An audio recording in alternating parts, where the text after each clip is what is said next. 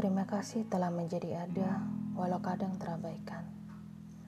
Terima kasih telah menjadi harap, walau akhirnya menjadi hampa. Terima kasih telah menjadi baik dalam doa dan rema hidup. Terima kasih telah menjadi cinta, walau akhirnya jadi tangis. Karena yang ada sebenarnya dulu sudah ada. Yang akan terjadi akan kembali lagi terjadi. Begitu siklus hidup.